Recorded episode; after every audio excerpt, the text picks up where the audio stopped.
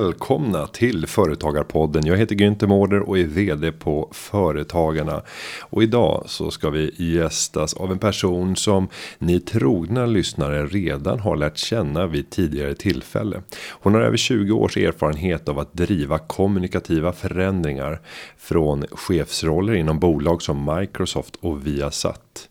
Idag har hon en, är hon en flitigt anlitad rådgivare och föreläser inom digital förändring och ledarskap. Hon har också utsetts till en av Sveriges mest populära förlä föreläsare. Ja, nu eh, trissar vi upp det här. Jag säger välkommen till dig som lyssnar på Företagarpodden. Och innan jag släpper in vår eh, gäst, vår återkommande eh, gäst nu för andra gången. Så ska jag också göra en liten shout out och säga till dig som är ung eller känner andra unga inspirerande entreprenöriella själar. Att nu är tiden att nominera för att kunna komma med på listan 103 unga idéer. Det är en sammanställning av 103 unga personer som eh, driver ett företag i ett tidigt skede som har stor potential att kunna utvecklas till någonting riktigt häftigt över tid. Om du känner till något sånt här exempel gå in på 103 ungaidéer.se och nominera din kandidat så kan de komma med i tidningens juninummer tror jag att det kan vara majnummer eh, men här under våren. Med det så säger jag varmt välkommen till Karin Singmark igen i Företagarpodden. Tack så mycket. Vad, då får man börja med att ställa frågan. Vad har hänt sen senast? Det var hur lång tid är det? Är det två år sedan? Två nu? år sedan. Två Gans... år och en månad. Tror ja, jag. Mm. precis. Vi satt här i en glöggdoftande studio eh, december 2017. Mm. Um, och herregud vad det har hänt grejer sedan dess. Det har ju blivit en bok till. Det har blivit en certifiering i neuroledarskap. Neuroledarskap. Ja, det låter Det är nog första så. gången jag hör. Är det så? Ja. Ja. Så det där ska tänka att vi stannar upp och utvecklar. Ja. För det är nog fler som känner som jag. Att det där har jag inte hört men jag vill veta mer om det. Ja. Ja, så bok och neuroledarskap. Ja, eh, och eh, sen så har jag ju faktiskt, som du nämnde i intron där, blivit eh, nominerad som Sveriges bästa talare. Och eh, det går faktiskt, eh, den prisutdelningen går av stapeln om två veckor. Och jag är helt otroligt eh, pirrig och fortfarande lätt chockad över det. Superkul. Häftigt. Mm.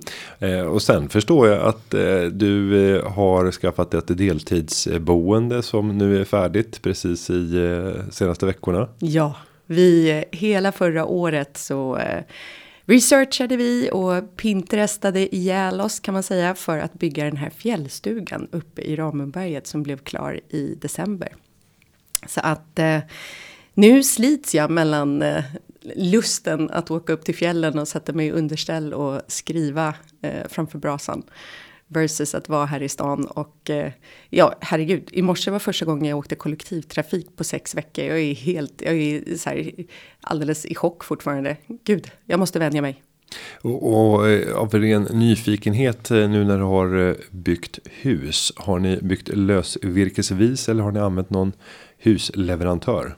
Lösvirke blev det. Mm. Faktiskt. Från tittade... grunden till. Från och, grunden. Och suttit och ritat det själva också. Eller inspirerats av någon färdig.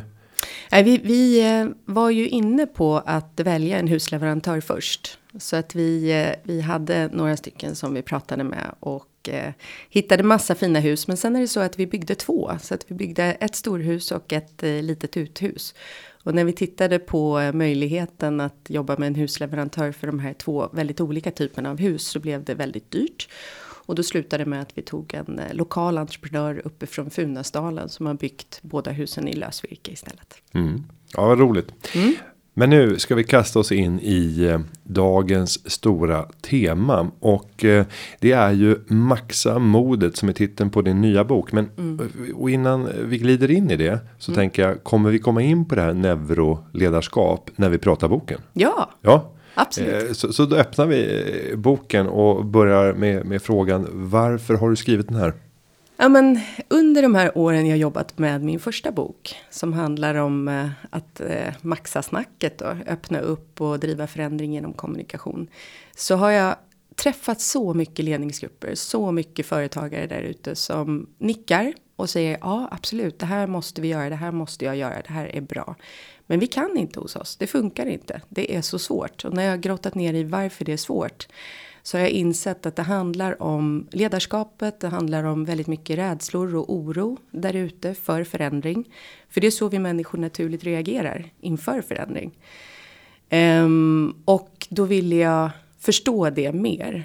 Uh, och, uh, för det är det som hindrar uh, möjligheten att faktiskt driva förändring genom kommunikation som är det jag brinner för.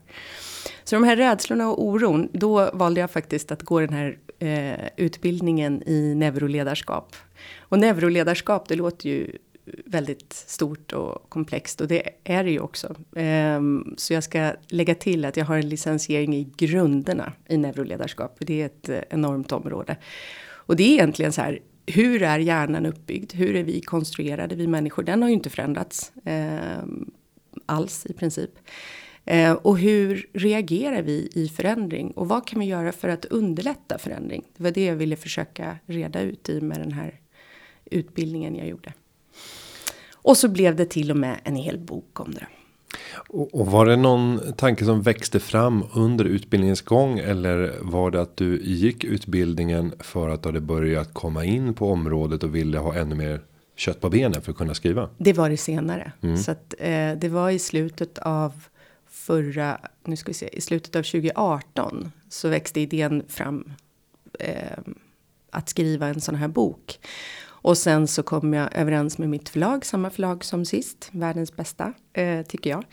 Eh, att skriva bok nummer två. Och för att få kött på benen och verkligen kunna förstå så valde jag att gå den här utbildningen parallellt med att jag skrev. Då. Mm.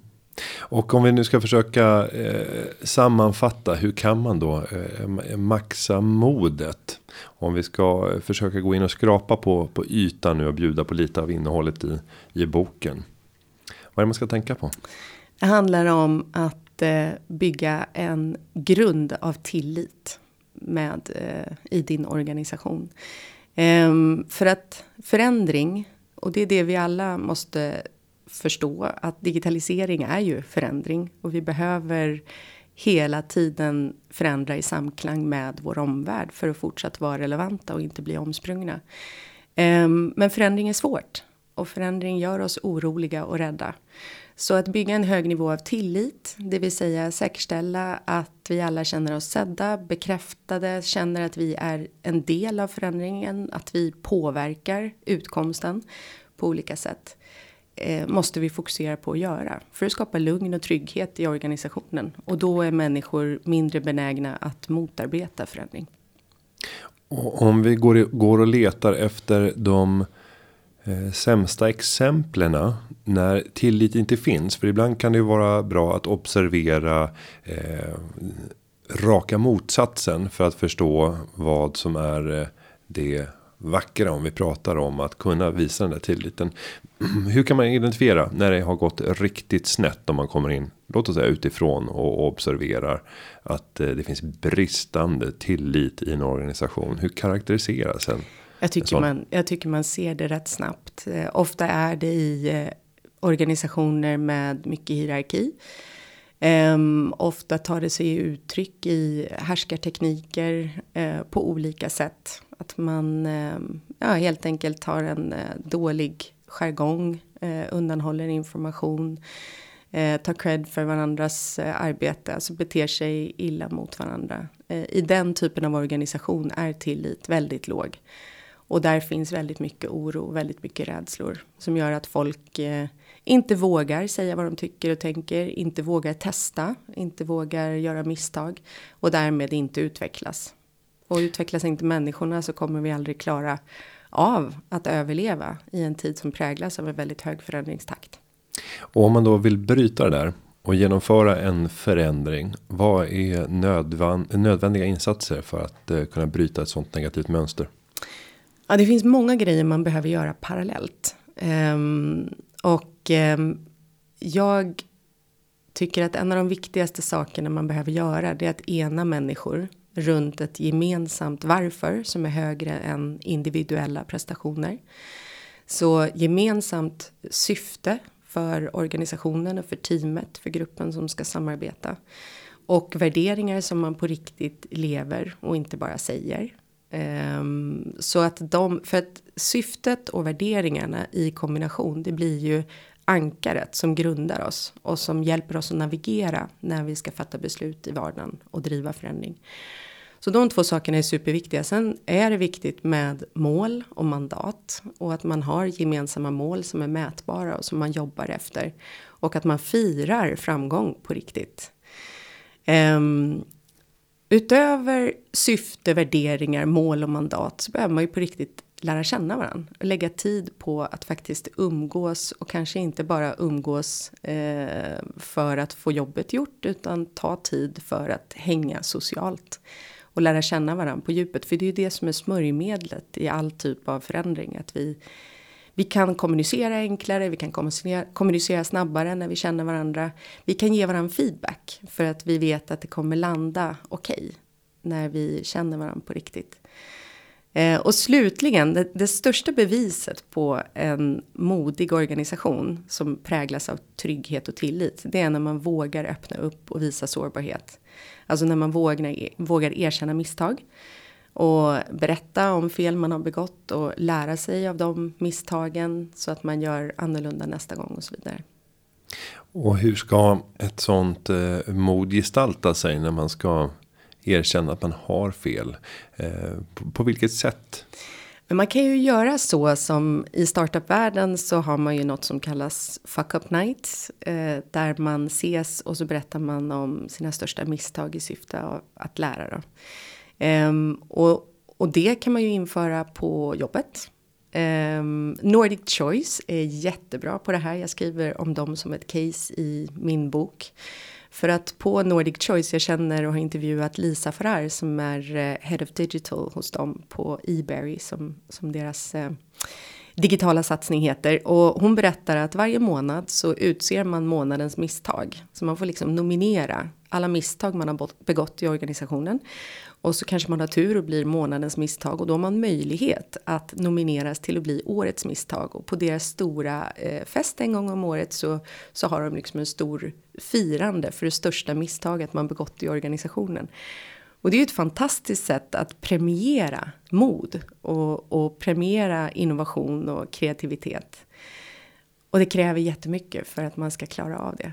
Och jag misstänker att de här presentationerna av misslyckandena kretsar väldigt mycket kring vad man har lärt sig och Precis. hur vi undviker i framtiden. Annars ja. kan det bli lite kontraproduktivt tänker jag. man kan ju tycka det.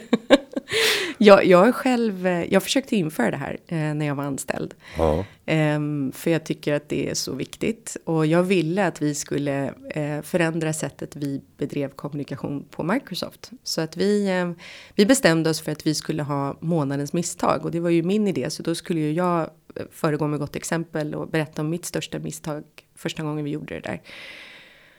Och då kommer jag ihåg hur svårt det är. Alltså hur enkelt det är att säga att man ska göra det. Det här är busenkelt att säga. Men att på riktigt vara ärlig med sina misstag. Och inte berätta om något som kanske började lite utmanande. Men sen löste man problemet. Så egentligen är det, man berättar ju egentligen om någonting som är en framgång. Men, men att vara ärlig med någonting som man du vet nästan har svårt att sova på natten för att man begick och berätta det för alla sina kollegor. Det är jättesvårt. Och, och tar man i just personalintensiv eh, verksamhet och tar vi då tjänsteföretag som eh, har kommit att utgöra en, en eh, lejonpart av alla företag idag i Sverige och i världen. Så handlar det ju väldigt ofta om mänskliga relationer. Det är där mm. de flesta misstagen sker. Ja. Och, och, det blir ju lite känsligt. Ja. Det, det, är ju lättare i en utvecklingssituation att säga att men vi, vi gjorde en felaktig prioritering för vi mm. trodde att det var på det här sättet. Men mm. sen när vi väl var där så lärde vi oss att nej, världen ser annorlunda ut eller människor tänker annorlunda. Mm. Det känns ju lättare ja. än att bara, jo, vi hade den här personalkonflikten som ni känner till. Precis. Mellan de här eh, två cheferna. Mm. Eh, och eh, mitt stora misstag där, det var att jag inte agerade. Ja. Eh, vilket jag fortfarande inte har gjort. Men nu när jag berättar det för er så. Nej, exakt. Det, det blir ju lättare att prata om det som inte sker mellan människor utan det som människor gör och skapar. Eh, men jag tänker mig ändå att de där mellanmänskliga relationerna är otroligt viktiga. Eh, hur kan man närma sig de misslyckandena som finns? Arbetsvis mellan medarbetare och kollegor, chefer. Jag tror att det handlar om att vi måste ta oss tid för eh, att umgås. Och jag är ju en, en sån förespråkare för digital kommunikation. Jag älskar allt eh, som digitaliseringen ger ur perspektivet kommunikation. Men eh, jag tror ändå att det finns en poäng i att fysiskt träffas inledningsvis och lägga tid på det. Um, för att när vi väl känner varandra och det finns ju liksom, det är oslagbart att, att fysiskt umgås några timmar under en period. Eh, för att på riktigt lära känna varandra. När vi väl har den relationen, då kan vi fördjupa och förstärka den relationen digitalt på olika sätt. Um, nej, men så jag tror det är jätteviktigt och för att komma, eh, för det är ju precis som du säger att de flesta misstag är ju mellanmänskliga misstag. Som, eller misstag som sker på grund av att vi inte kommunicerar med varandra tillräckligt tydligt. Mm. Um, nej, och där eh, sitter jag och, och tänker kring andra smarta verktyg att ta till för att, att bygga den här tilliten. Eh, om vi ska fördjupa oss i någon av de delarna som du nämnde. Vilken skulle du särskilt lyfta fram och säga att de här har särskilt gruppen småföretagare en stor potential. För du har ju lett både stora organisationer och varit ledare i dem. Eh, men du är också egenföretagare i mm. dagsläget och du har ju mm. verkligen en fot i både det gigantiska mm. och i det lilla. Mm.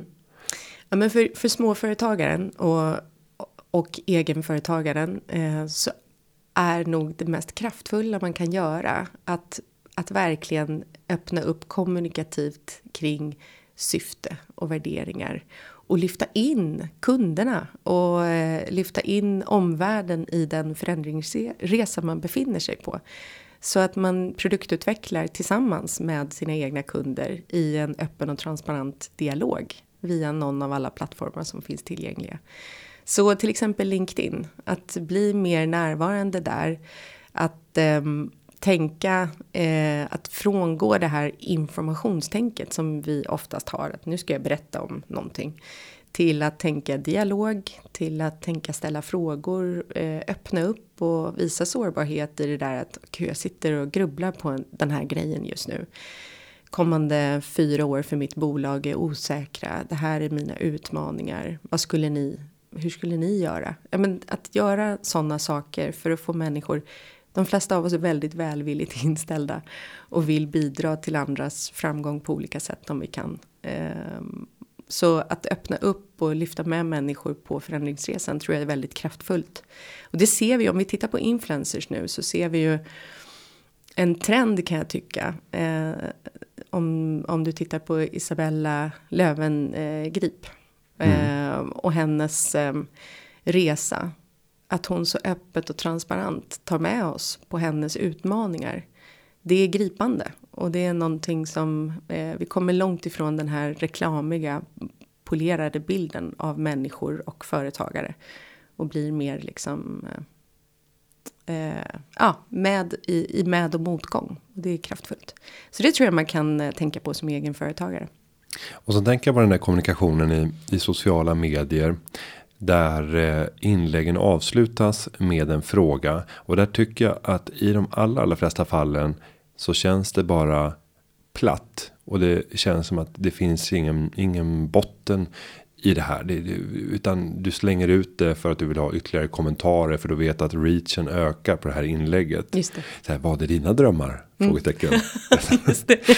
och att, att få det där att hänga ihop. Att bygga ett engagemang genom att vara delvis utelämnande. Komma med några insikter. Också förklara varför, varför vill jag nu att du ska läsa det här. Mm. Och landa i någonting som gör att det inte känns som en, en plattityd när man ställer de där frågorna. Mm. Där har man väl så att säga den svåra konsten ja. i den här typen av relationsskapande ledarskap där andra ska vara medskapare. Precis. Det. Men du sätter ju fingret på det. Det måste ju vara äkta. Det mm. kan inte vara någonting som det lyssna inte på den här podden nu och tänk okej, okay, det där ska jag göra. Utan sätt, sätt, sätt dig ner istället och fundera på vad kan jag, vad kan jag vinna av det här? Alltså vad, vad skulle jag kunna um, lära mig om jag gjorde det här på riktigt? Och vad är på riktigt mina största utmaningar? Och vågar jag berätta det för omvärlden? Och om man liksom gör det där hemarbetet först, eller hemläxan eller vad vi ska säga, um, så tror jag att man, um, man blir mer äkta när man väl går ut och börjar föra den här typen av dialog. För jag håller med dig, det känns direkt när det inte är äkta. Och, och sen kan man ju också fundera över den där frågan. Hur mycket kommer andra att eh, stå beredda att hjälpa mig? Mm. Och, och, där brukar jag alltid använda inversen och tänka så här. Hur mycket står jag beredd att hjälpa andra? Och så funderar man på så här fiktiva situationer där jag själv nu sitter i begrepp och funderar över hur andra kan hjälpa mig i det. Hade jag ställt upp i ett sånt mm. läge? Just det. Och där kan man hitta en ganska bra eh, nivå för eh, sin egen förväntan på vad man kan kan tro om andra. Och sen är nästa fråga ställa sig själv frågan. Vad skulle kunna få mig att göra det här? för de här personerna. Just det. Och när det gäller våra närmsta vänner och vår familj så står vi beredda att göra nästan vad som helst. Eh, när som helst. Mm. Eh, men börjar vi komma ut i den andra cirkeln utanför vår familj och vi är liksom med hyggligt bra vänner och, och, liknande. Ja, men då börjar det bli lite svagare. Vi ytterligare ett steg bort. Mer ytligt bekanta. Ja. Kollegor vi inte pratar med så mycket. Ja, men då blir det ännu svårare. Och tar vi den sista nivån.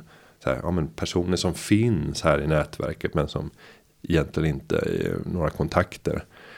Ja, det, det kommer ju vara olika nivåer hur mycket vi står beredda att göra. Så är det.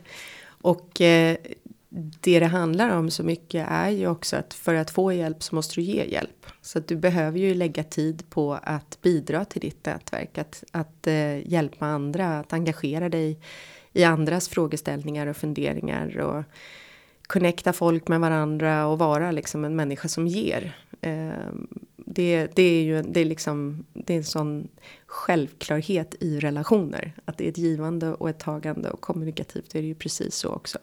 Så de här som bara hör av sig när de behöver någonting, de tröttnar vi ju alla på rätt snabbt.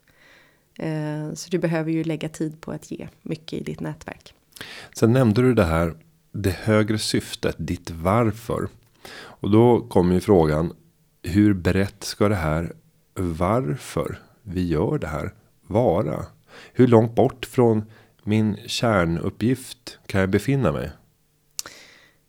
Ehm, jag tänker så här att i ett medielandskap som präglas av eh, känslostyrt agerande Ehm, där vi inte kan köpa oss fram och få engagemang och kontakter längre utan vi måste skapa engagemang så blir det ju desto viktigare att du har ett varför som berör. Ehm, och eh, i största möjliga mån så behöver du därför tänka större och bredare kring ditt varför. Så att du eh, faktiskt gör någonting som berör på ett känslomässigt plan. Och där kan man ju se inte minst bland våra största börsbolag. Eh, som ofta har ett stort fokus på aktieägarintresset. Att det man kommunicerar ut. Det är olika typer av finansiella mål det är ju rätt sällan som de kittlar. Även om jag är väldigt aktieintresserad och är intresserad av att följa bolagens fundamentala utveckling. Så här, vi har ett mål om att över en konjunkturcykel växa med 10% organiskt. Därtill ska vi ha en rörelsemarginal som över konjunkturcykeln inte understiger 4% och soliditeten ska vara minst 50. Så bara, oh, oh, här vill jag göra business. Ja. Eh, nej, men det händer ganska ofta att det är så här stora välrenommerade bolag som väljer att lyfta fram det på första plats när man ska försöka sälja in bolaget. Mm. Och även tänker jag så här en aktieägare är ju intresserad av. Okej, okay, vad är det ni tänker leverera i förhållande till det samhälle, mm. den jord som ni lever på. På vilket sätt gör ni världen bättre? Eh, och, och, så får man titta på bieffekter av och det egentliga syftet bakom att man gör det. Precis så och det är ju någonstans det vi kommunicerar ut är liksom grundförväntningarna. Det är klart som 17 att du ska hålla dig på den här nivån omsättningsmässigt och så vidare. Eh, när, du, när du däremot går emot de etiska värderingar som vi människor har i samhället, då slår det ju på aktiekursen i de allra flesta fall. Eh, nej, jag tror att det finns jättemycket att göra för att eh, kommunicera med känslor eh, i finansiella sammanhang. Verkligen, hur mycket som helst. Mm. Eh, om vi ska gå vidare i boken och titta på andra tips och tricks som du lämnar. Vilka är de viktigaste att förmedla i sånt här sammanhang när du har många företagares öron?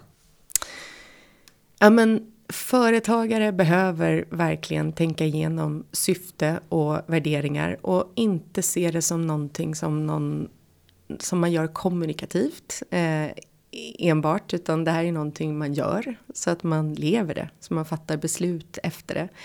Och det här är någonting som jag tror att många småföretagare tänker är något som storföretag behöver göra, men det kanske inte vi behöver. Men det är ju desto viktigare och du har ju desto större möjligheter att faktiskt eh, bli fram, framgångsrik. För att som småföretagare har du ju mycket mycket större möjlighet att eh, vara eh, konsekvent med ett budskap och du kan eh, sätta värderingar som kanske är lite mer kontroversiella eh, och du kan leva dem utan att behöva gå igenom en massa olika förändringar och lager och sådär som, som kan vara en utmaning i större bolag.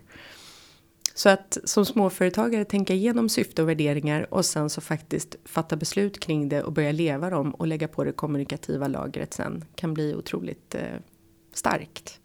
Och när det gäller det kommunikativa och eh, den digitala värld som bjuder på närmast oändliga möjligheter att eh, arbeta med att bygga de här relationerna. Hur hittar man den här balansen? För det blir ju lätt också en stress för en företagare som kan göra allt men måste göra allting själv. Mm. Att balansera det där.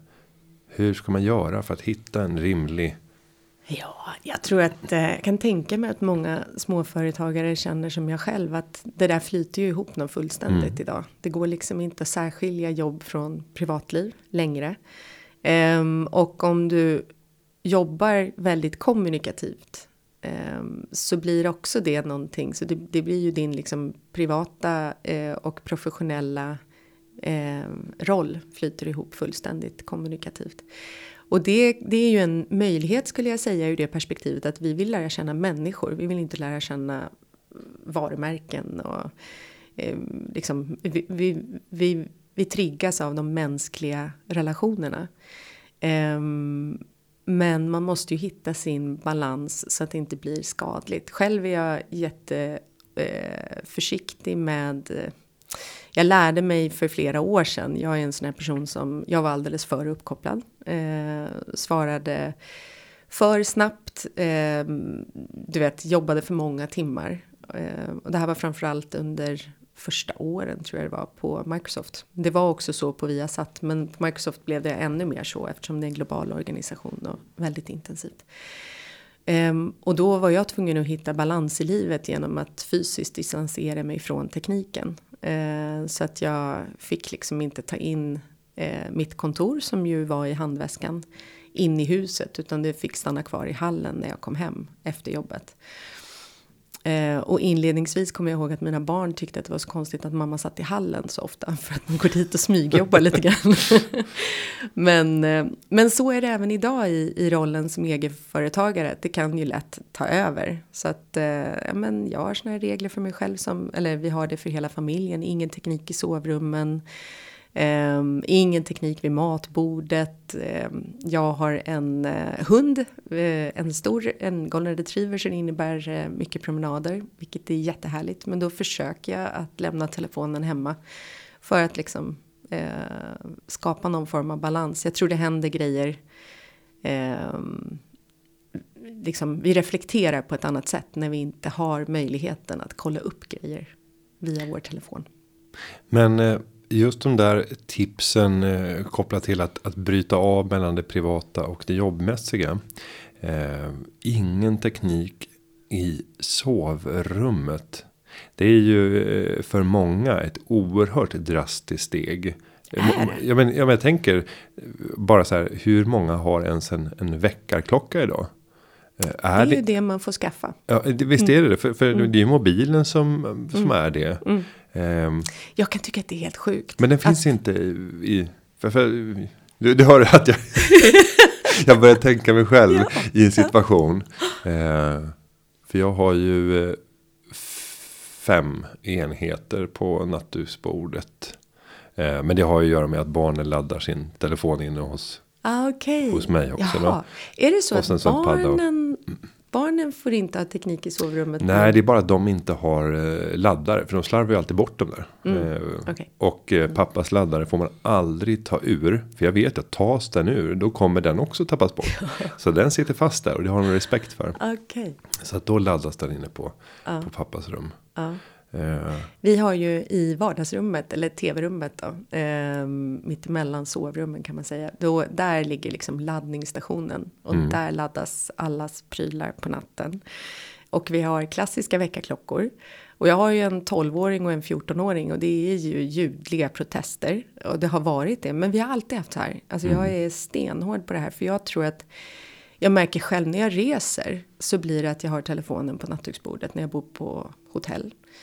Och det sista jag gör är att kolla någonting, eh, ofta sociala medier. Och det första jag gör är att göra det, vilket gör att jag inte ger mig själv en enda sekund att tänka egna tankar. Och jag tror inte det är bra. Eh, och det är för min vuxna hjärna. Men kidsen, jag ser ju det när mina tjejer går och lägger sig. Det är liksom, eh, det, vi sätter ju telefonerna på ljudlöst för det är ju liksom, de hoppar ju av sig självt med alla notifications som så det ligger ju kids och snapchattar till halv elva, elva mm. på kvällen. Och jag tror inte att det är bra när man sen ska sova. Ja, men du som lyssnar, lek med den tanken att bara testa eh, kortsiktigt för att se vad är det som händer. För det är väl då man också kanske kan ifrågasätta vad är det för situation jag har försatt mig och, och min familj i. Eh, för det är ju en ganska ny nytt påfund. Det var inte så att vi satt med vår Nokia 3110 och var jätteengagerade i att ha den precis vid sängen. För det hände inte speciellt mycket med den telefonen. Nej. Batteriet räckte en vecka. Ja. Eh, och det var svartvit skärm och ibland kom det ett sms. Eh, och, och VAP. Nu är det nog många som börjar undra vad är det här för. Vad är det för någonting? WAP. Ja men det var den första typen av webbgränssnitt som fanns för att kunna via telefon nå webbcontent. Eh, ja. På, på, på, um, på MTG så hade vi Blackberry. Oj, för ja. att iPhones det ansågs uh, väldigt uh, osäkert. Jo men, jo, jo, jo, jo, men Blackberry de var, de var ju väldigt mycket tidigare också. De hade ju sina med tangentbord mm. redan vadå, sju, åtta år före en iPhone kom. Mm. Ehm, ja, nu blir vi så tekniknostalgiska. Jag tänker tillbaka på min Q-tech. som också hade utfällbart tangentbord. Det var liksom en telefon före sin tid 2007. Eh, nu ska vi inte fastna i det. Men jag tänker så här. Du, du måste ju själv ha lärt dig en hel del under skrivandet av den här boken och den utbildning i neuroledarskap som du också mm. har genomgått. Mm. På vilket sätt har du gjort en resa som som ledare i framtagandet av den här boken, föreläsningar? Men um, jag har lärt mig så otroligt mycket kring vikten just av uh, relationer och skapa trygghet i grupper. Och hur mycket det handlar om kommunikation och skapa tydlighet. För det är ju det, tydlighet skapar trygghet. Så om vi bara är tydliga med vad som gäller och eh, vi kommunikativt bjuder in människor så skapar vi lugn och ro. Um, den här utbildningen, den har ju, alltså jag älskar ju begreppet confused but on a higher level. Uh, för det är verkligen så, det är ett komplext, vår hjärna är ett väldigt komplext ämne och jag uh, har, har lärt mig uh, en liten, liten bit i det. Men det jag tar med mig mest är ju just det här hur vi människor reagerar i förändring. Vi är ofta, du kanske också är sån som skulle räcka upp handen om man frågar gillar du förändring? Liksom. Jag är mm, sån. Mm. Jag, jajamän, mm. gud skitkul med förändring. Men jag tycker bara om förändring när det är jag som är med och påverkar förändringen. När jag påverkar utkomsten, när det är jag som fattar beslut, då älskar jag förändring. Men så är det ju inte ofta, utan vi blir ofta påverkade av andras förändringar. Och eh, instinktivt reagerar vi genom att sparka bakut. Det är, det är farligt vi, det, det, skapar, det triggar eh, hot eh, och rädslosystem eh, hos oss som gör att vi, om inte motarbetar så i alla fall stannar vi upp och står still. Ehm, så vikten av att bygga relationer och eh, investera i tid eh, för att lära känna och eh, kommunicera med varandra och öppna upp och skapa trygghet är så oerhört stor för att undvika just det här beteendet. Och framförallt för att få människor att må bra. För jag tror att den stress vi ser i samhället idag i mångt och mycket har att göra med att vi känner att det kommer så mycket eh, till oss som vi själva inte kan påverka.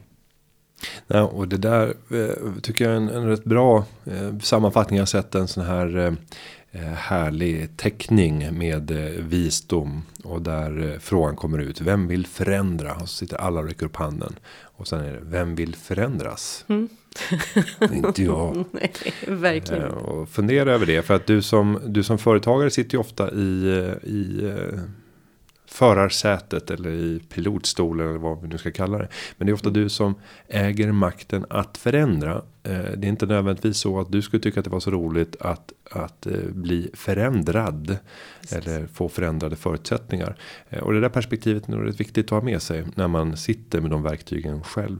Mm. Eh, ditt sista avslutande tips till eh, de som vill driva de här förändringarna. Vad är det viktigaste att tänka på i de där lägena när man vill genomföra en förändring. Man har inspirerats, man har fått nya kunskaper. Man kanske vill kasta sig in och formulera sitt högre syfte. Tillsammans med de fåtal medarbetare man har.